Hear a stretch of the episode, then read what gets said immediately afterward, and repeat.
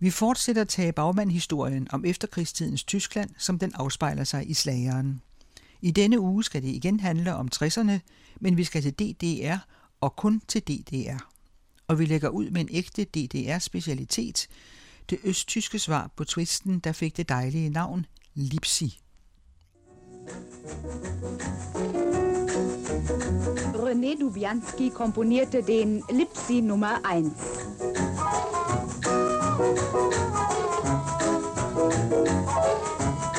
Das Ehepaar Seifert aus der Messestadt Leipzig fand die Tanzschritte für dieses neue Kind der leichten Muse.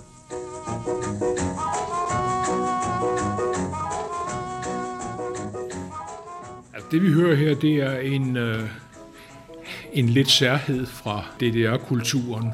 Øh, I slutningen af 50'erne, der var styret så betænkelig ved den vestlige kultur, der rullede ind over grænsen, fordi østtysk ungdom kunne jo høre vesttysk radio, så de var helt med på, hvad der skete. Og de var optaget af den samme amerikansk øh, inspirerede musikkultur, som, som vesttyskerne var. Og østtyskerne synes, at det var lidt betænkeligt. Det var måske ikke socialistisk nok. Og, og på god socialistisk øh, vis, så mente de, at man kunne sætte sig ned i en komité, og så kunne man finde på et eller andet, der kunne modvirke det her. Og det, man kom op med, det var altså en dans, som blev kaldt Lipsi. Alle tanzen Lipsi,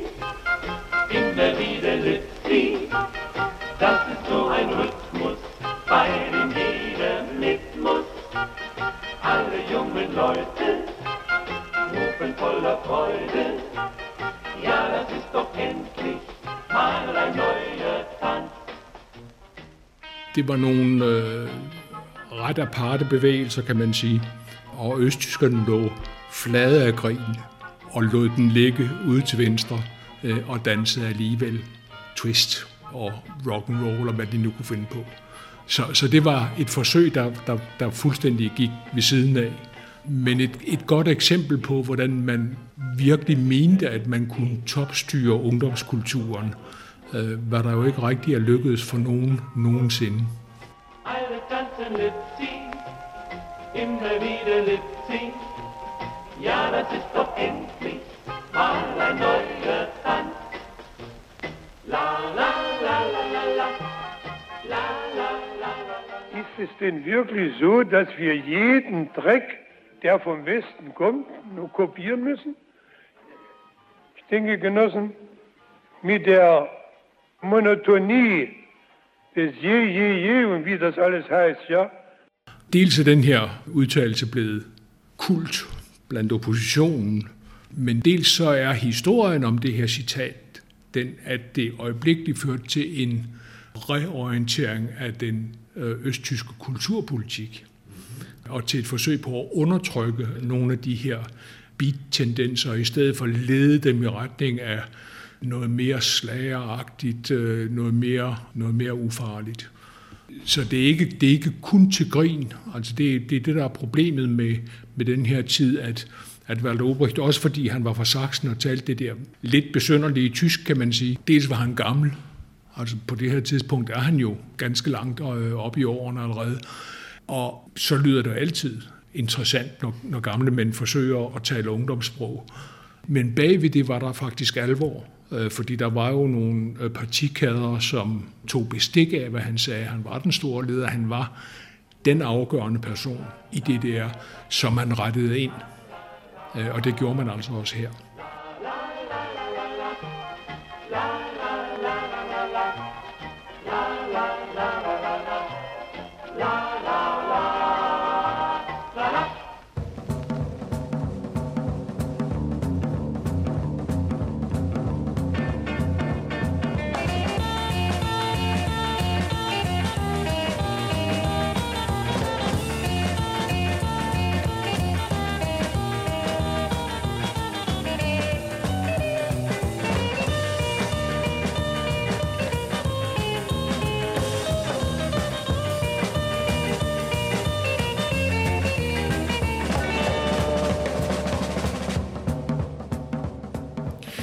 Der, er ligesom to tendenser, man altid kan se i den østtyske politik, og det er dels hver gang man har slået til rigtig hårdt på den politiske side, så øh, løsner man lidt på den kulturpolitiske side.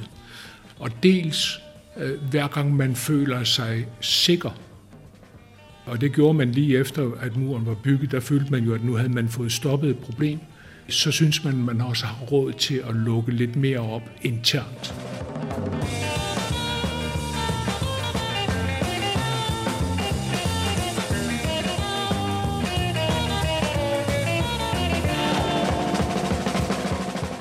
Den store twist-slager i DDR, den blev indspillet af en fyr, der i forvejen var rigtig, rigtig kendt som skuespiller, øh, som hedder Manfred Krug. Manche machen über alles Wind, weil sie einfach gegen alles sind. Früher tanzten sie Galoppner und das ging auch ganz schön rund. Das Sport gesund ist, hört man immer fort. Richtig tanzen, das ist auch ein Sport. Und es bringt ein bisschen Schwung ins Blut, na so geht's schon ganz gut. For overhovedet at få lov til at arbejde, så skulle man kunne bevise, at man havde uddannelsen. Og sangeruddannelsen i øh, Østtyskland indebar også skuespiller, stemmetræning og accentuering og udtaler og den slags ting. Øh, så de er alle sammen meget tydelige og meget korrekte. Han bliver først rigtig, rigtig stor i øh, DDR i løbet af 60'erne.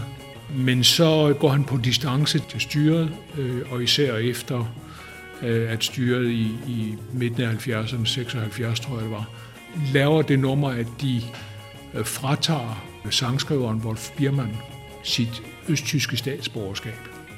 Det gør de på et tidspunkt, hvor han er på koncertturné i Vesttyskland, øh, så han får ikke lov til at vende tilbage. Og, øh, og Wolf Biermann var jo overbevist kommunist og, øh, og ville tilbage og mente, at DDR var altså hans fædreland. Hans fædreland er så meget sagt, fordi han var født i Hamburg, men var hans hjemsted, og han ville tilbage, og han var meget forbitret over at blive frataget sit statsborgerskab. Og det gjorde, at oppositionen i DDR, øh, den lille opposition, der var, ligesom følte sig kaldet til at slutte op omkring Biermann. Øh, og der var Manfred Krug altså en af dem, der var med til at sige, nej, nej, nej, nej, nej. Hvis overbeviste, ærlige kommunister som Wolf Biermann ikke kan få lov til at være her i landet og sige og gøre, hvad han vil og arbejde som, som kunstner, øh, så hører alt op. Og resultatet var altså, at Manfred Krug på et tidspunkt øh, måtte forlade øh, det der, og fik så en, øh, en meget stor og fin karriere i Vesttyskland, og ikke mindst i det forenede Tyskland, hvor han blev øh, en højt elsket øh, tv-kommissær, for eksempel i en af de store krimiserier på tysk tv. Der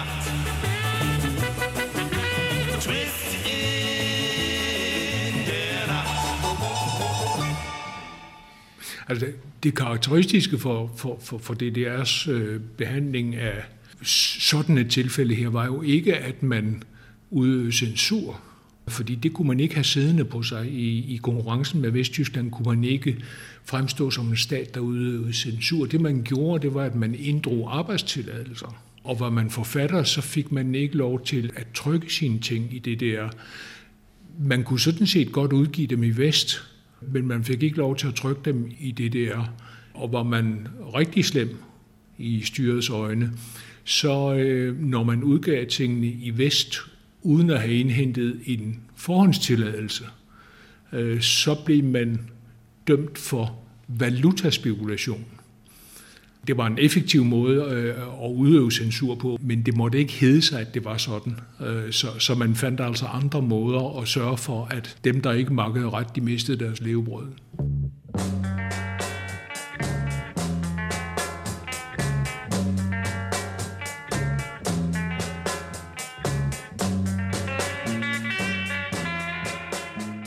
Nu skal man jo passe på, at man ikke får fremstillet det, som om populærmusikken, også den vestligt inspirerede populærmusik, slet ikke eksisterede. Det gjorde den. Der er øh, rockbands, som har en historie helt tilbage til slutningen af 50'erne, altså det savnomspundne Renft-kombo for eksempel, blev grundlagt i 1958. Og øh, Renft-kombo blev savnomspundet, fordi det blev tilladt, øh, spillede rockmusik, blev nogenlunde kendt, blev forbudt på grund af sine tekster, fik lov til at arbejde igen, gik i opløsning, blev sammensat i nogle andre øh, sammenhænge, kaldte sig forskellige ting. Og hele vejen igennem DDR's historie, helt op til 1989, øh, der har Renft ligesom spøgt øh, i kulisserne, og en gang imellem er de trådt ud på scenen, fordi de har fået lov, fordi der er kommet en lille åbning, og så er de blevet lukket igen, fordi deres tekster var for øh, systemkritiske. Øh, og efter 89 genopstod øh, Renft øh, så igen og faldt fra hinanden, fordi man så kom op og slås om øh, ophavsrettigheder og hvem der havde ret til navnet og sådan noget. Så det har haft sådan en meget blandet og underlig historie, men, øh, men også en, hvad hedder sådan en fanskare, der har fulgt den som, ja, næsten som en kult, Renft-kulten.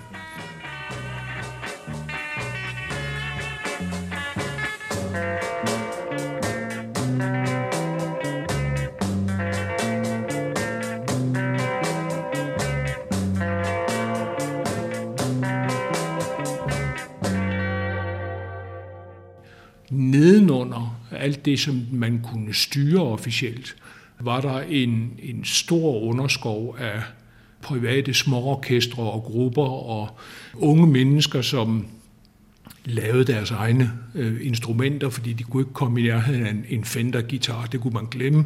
Så de øh, nørklede selv rundt, og de nørklede også selv rundt med nogle forstærkere og øh, spillede i små klubber og til private fester og sådan noget. Østtyskerne ville have musik, de kunne danse til, og, og musik, de kunne engagere sig i. Og det vidste styret sådan set også godt, så de vidste også, at de skulle lukke en smule op for ventilen, hvis ikke denne underskov skulle blive til noget, der, der bare blev ved med at oparbejde øh, tryk i dampkæden, om man så må sige.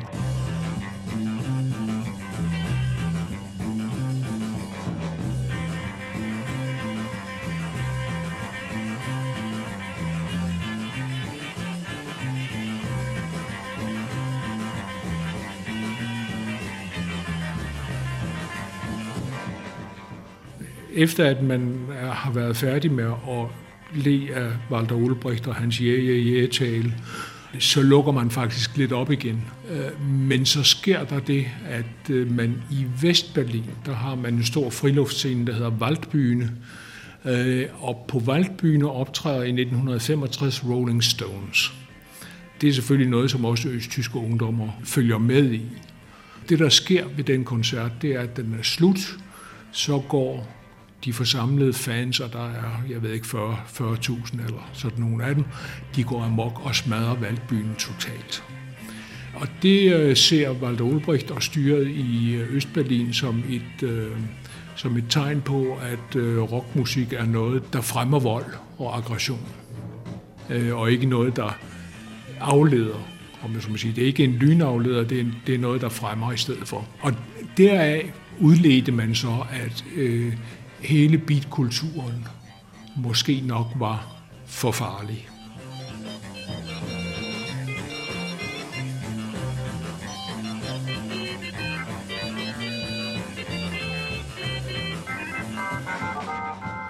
Øh, så man øh, slog hårdt ned på, på beatmiljøet, og det gjorde man blandt andet i, i Leipzig, hvor mange af de her klubber, som jeg talte om før, og de amatørbands, der var, de optrådte simpelthen, fordi Leipzig var en meget stor universitetsby. Der var mange unge, unge mennesker samlet i Leipzig. Det er en international by, fordi øh, industrimassen i Leipzig trak jo folk fra hele verden, og man ville vise sig som en åben by. Så, så der var måske et lidt mere åbent miljø.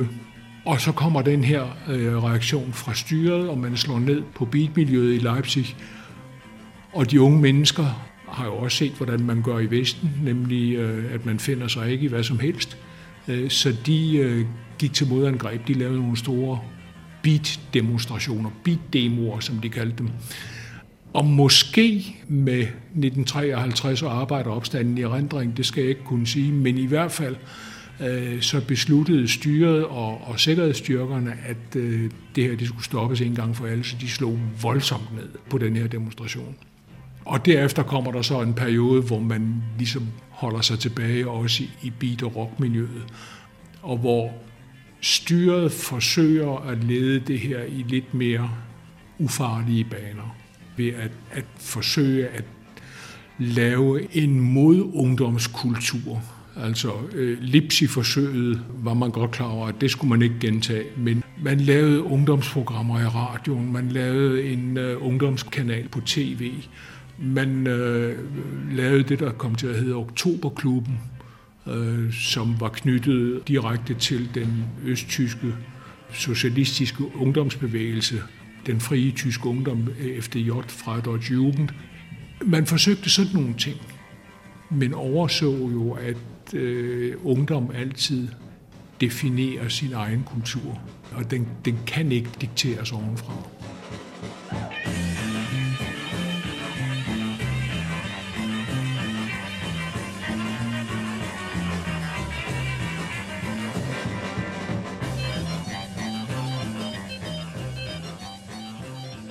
Altså spørger man dem, der var unge i 60'erne, så siger de ja, vi levede i to forskellige verdener. Vi levede i en officiel verden, hvor vi efterplaprede det, vi skulle, og så levede vi i vores egen verden bagefter.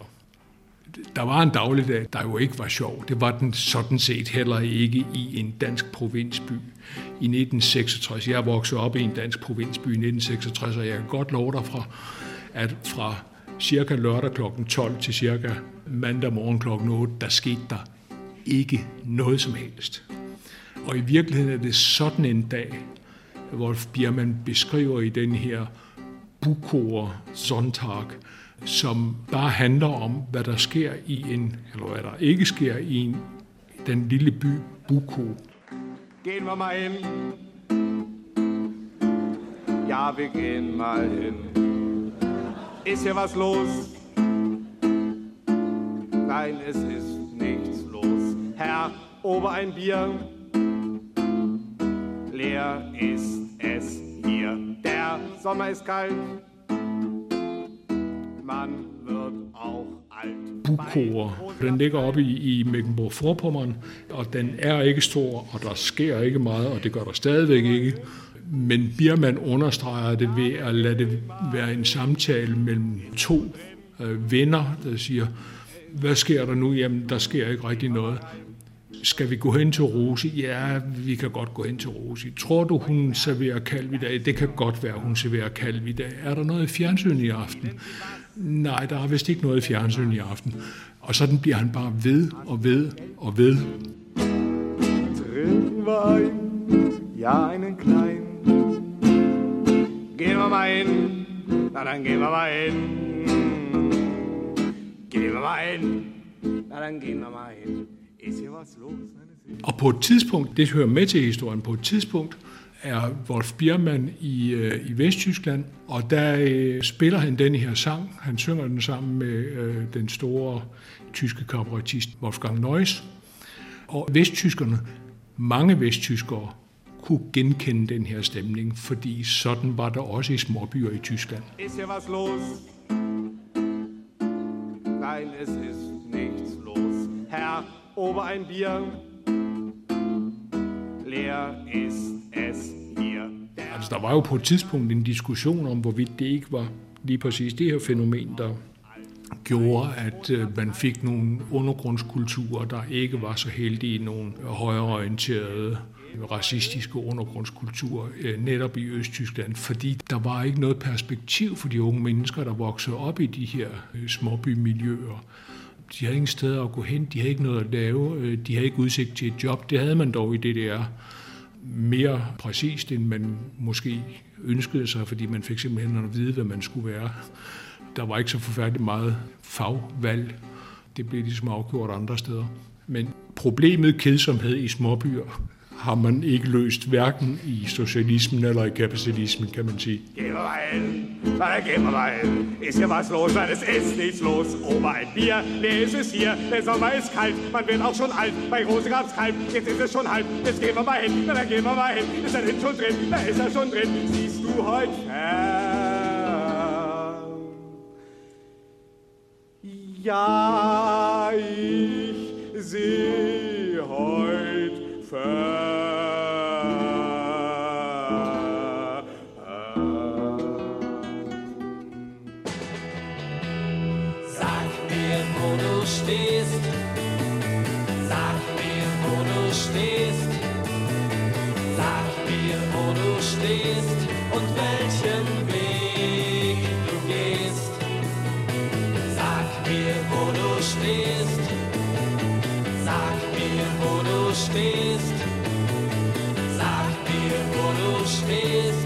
Welchen Weg du gehst.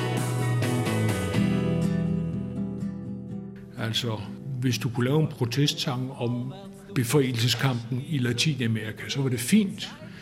Hvis du kunne lave en protestsang om den tyske revolution i 1848, så var det fint. Hvis du kunne lave en, en sang om øh, den heroiske kamp mod nazismen, så var det fint. Men hvis du kom ind og rørte lidt ved DDR, øh, så var det ikke fint længere. Du gibst, wenn du redest, vielleicht dir die Blöße, noch nie überlegt zu haben, wohin. Du schmälerst durch Schweigen die eigene Größe. Ich sag dir, dann fehlt deinem Leben der Sinn. Oktoberklubben gik et skridt videre. De var ikke kun protestsange, det var også, jeg havde nær sagt, konfirmationssange i den forstand, at de skulle være med til at konfirmere, at bekræfte det socialistiske styre i øh, DDR. Øh, det skulle være med til at styrke SED. Sag mir, wo du stehst. Sag mir, wo du stehst. Sag mir, wo du stehst und welchen Weg du gehst. Det var, som jeg sagde før, var Oktoberklubben i begyndelsen fuldstændig under kontrol af øh, Freie Deutsche Jugend FDJ, som var en stærk organisation i DDR. Det var sådan, at, man i det politiske hierarki havde man ligesom en, en opdragelse, der startede med, at de unge mennesker de blev involveret i det, der hed ungpionererne. Det var børn og, og halvstore børn. Øh, og derefter så gik man videre til FDJ, som var øh, teenager og, øh, og unge voksne. Sådan op til cirka 30 års alderen. Også lidt ældre, fordi i lange, lange tider i DDR-perioden, der var formanden for FDJ, Erik Honecker, øh, som havde været med i FDJ næsten fra starten. Øh, øh, Og historien er, at FDJ er ikke en DDR-opfindelse. FDJ blev dannet af eksiltyskere under nazitiden øh, i midten af, af, af 30'erne. Og derfor så var FDJ allerede på plads, da DDR blev lavet, og derfor så stod det som organisation meget, meget stærkt. Øh, og det var faktisk Erik Honeckers første rigtige magtbase, øh, hvad der jo så førte ham frem til at blive Walter Ulbrichts afløser på et tidspunkt i begyndelsen af 70'erne. Så FDJ var absolut en magtfaktor. Der var også en magtfaktor på den måde, at man var ikke tvunget til at være medlem. Men hvis man ikke var, så blev man anset for systembetænkelig, hvis man kan udtrykke det på den måde. Og derfor så synes styret ikke, man skulle have lov til at læse på universiteterne for eksempel. Fordi man var ikke ideologisk forankret nok til at kunne tåle al den visdom, man kunne få på universiteterne. Så som ung menneske, så ville man nok tænke sig om en ekstra gang, før man sagde, nej tak, jeg vil ikke være medlem af, FDJ. Sag mir, wo du stehst. Sag mir, wo du stehst und welchen Weg du gehst. Ungpionererne, det var en anden snak for børnene. De havde ikke nogen forestilling om, hvad det var. For dem var det det samme som at være spejder i vores del af verden. Ikke? Altså, øh, det var et sted, hvor, hvor der var øh, fritidsaktiviteter, og hvor man fik venner og, og morede sig og så videre, samtidig med, at man altså blev ideologisk præget. Men Oktoberklubben blev brugt som en modkultur her midt i 60'erne. Øh, det stærkeste udtryk for det var en sang, som Oktoberklubben øh, lavede, der hed øh, Sag mir, hvor du stehst, sig mig, hvor du står. Og hele teksten går ud på øh, at sige, åbn dig nu, lad os komme ind, helt ind i hjernen på dig. Jeg har et krav på at vide, hvem du er. Sag mir, wo du stehst. Sag mir, wo du stehst. Sag mir, wo du stehst und welchen Weg du gehst.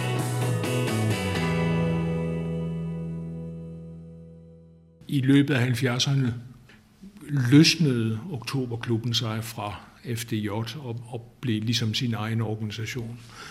Og i det hele taget så øh, er 70'erne et tidspunkt, hvor rigtig mange går på distance til FDJ. Måske fordi man ikke kunne lide uniformeringen, som jo var åbenlys. Var man i FDJ, så gik man i blå skjorte med halsbind og, og så videre.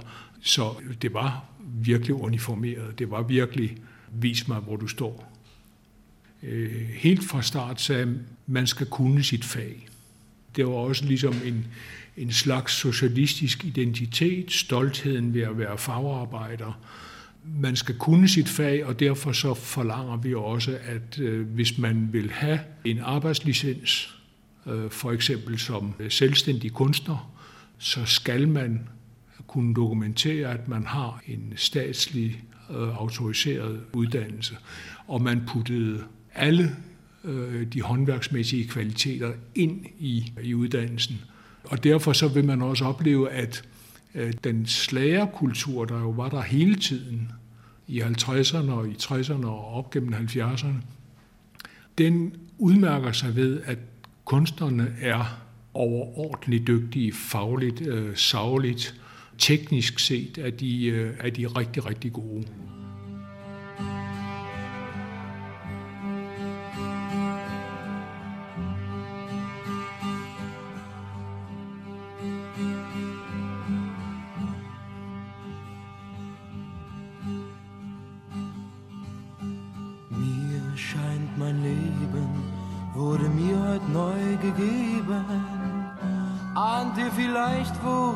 Das liegt. Ihr sollt es wissen von drei Sonntagabendküssen, wurde mein stolzes Herz besiegt.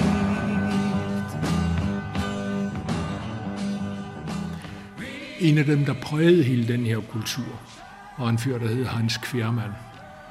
Og Hans Kværmand var dels musikproducent, men han var først og fremmest en, der opfandt og kørte en lang, lang række øh, ungdomsudsendelser i radioen, hvor han fremmede den populære musik, han ligesom syntes ramte øh, de unge smag. Og kigger man lidt på de slager stars, der var i DDR øh, i 50'erne og 60'erne, øh, helt op gennem 70'erne, og graver lidt i deres fortid, så vil man støde på navnet Hans Kværmand han var den, der ligesom gav dem chancen til at blive kendt, og gav dem chancen til at få startet en karriere.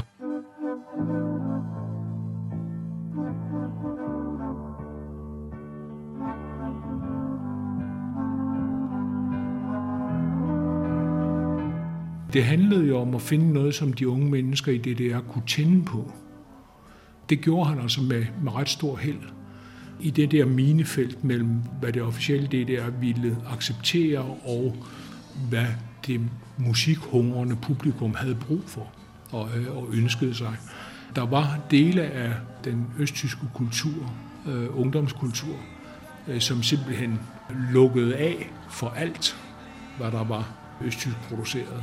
Altså, øh, glemte. det. Vi har aldrig lyttet til østtysk øh, slager. Vi, vi kender ikke de der øh, sanger, du kommer og, og, og taler om. Vi var et helt, helt andet sted hen. Vi, øh, vi lavede piratkopier, vi lavede piratoptagelser fra Radio Luxembourg og den slags. Øh, vi levede simpelthen vores eget liv, øh, som ingen skulle, skulle komme og blande sig i. Man kan måske sige, at det var en slags indre eksil hvor man lavede sig en hverdag, som var fest, som var sjov, som var det, man gerne ville. Det var teltture, det var sejlture, det var øh, drømmen om at køre rundt i, i DDR på en øh, 350 kubikcentimeter stor Java motorcykel med en DDR-radio, øh, rejseradio, var man nødt til at kalde den, fordi en transistorradio var det ikke. Det var, nemlig, det var stadigvæk rørradio, men, men altså batteridrevet. Og så måske, hvis man kunne øh, komme i nærheden af en, øh, en amatør båndoptager, øh, så havde man altså disse her piratkopier af optagelser fra, fra Vestradioen, fra, fra den vesttyske radio eller fra Radio øh, Luxembourg.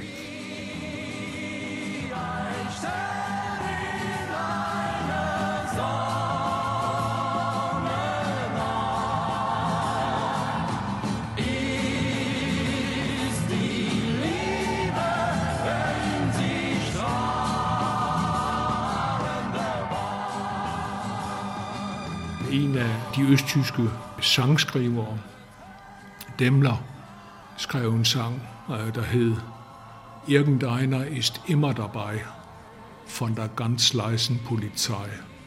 Den blev spillet igen og igen i 1989. Den her, der er altid en mere, end vi tror, der lytter med. Men altså nu øh, er vi så sprunget helt frem til genforeningen, eller til øh, 89-revolutionen. Det skal vi måske ikke. Det var Hans Kværmand, vi kom fra.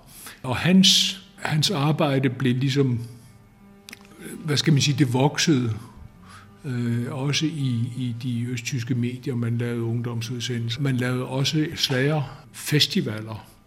Man lavede simpelthen en, en, et, et slags østtysk Grand Prix fra 1966 øh, og frem efter. Og det blev en af de der katapulter for nogle af de helt store navne i den østtyske slagerindustri. Det måske største af dem alle var Frank Schøbel, øh, og Frank Schøbel deltog i øh, det østtyske Grand Prix i 1967 sammen med en sanger, der hed Chris Dørk, som han senere også blev gift med. Og de vandt Grand Prix i 1967. De vandt igen i 1969. I, øh, i 1967 optrådte de som øh, Frank Schöbel og Chris Størk. Øh, I 1969 der hed de bare Frank og Chris. Og det øh, viser måske noget om, hvad der var sket i mellemtiden. Og Frank Schöbel blev altså simpelthen sat på vej mod, ja, mod stjernerne. Øh, hans største hit kom også til at hedde Wie ein Stern in einer Sommernacht, øh, som en stjerne i sommernatten er kærligheden, når den vågner. Det var ikke fordi, det var noget stort politisk indhold, men for det slagerhungrende østtyske publikum var det her en af de helt, helt store sange. Og den var så stor, at øh, mange vesttyskere i virkeligheden troede, at det også var en vesttysk sang, fordi Frank Schöbel var det, der hed rejsekarter. Han havde altså, man kan sige, styrets tillid til ham var så stor, at han fik lov til at rejse ud og deltage i vesttyske tv-produktioner og, og øh, andre tv-produktioner også. Og derfor var der mange af det vesttyske slagerpublikum, der i første omgang troede, at han var øh, en nyopdukket vesttysk stjerne med denne her sang, som solgte øh, lige godt på begge sider af jerntæppet. scheint die Sonne.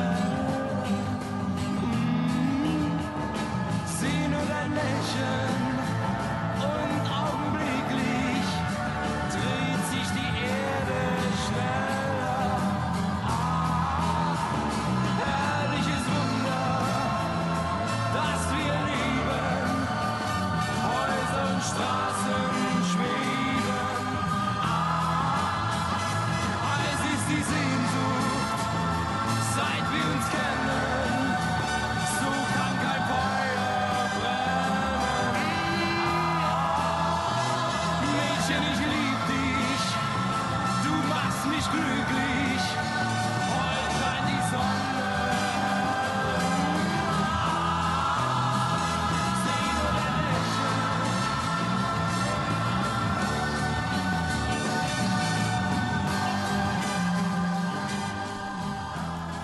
Storladende østtyske toner med Frank Schøbel afrundede denne udgave af Terje Bagmans beretning om den tyske slager. Det er en Søren E. Jensen og Jytte Nordholt produktion.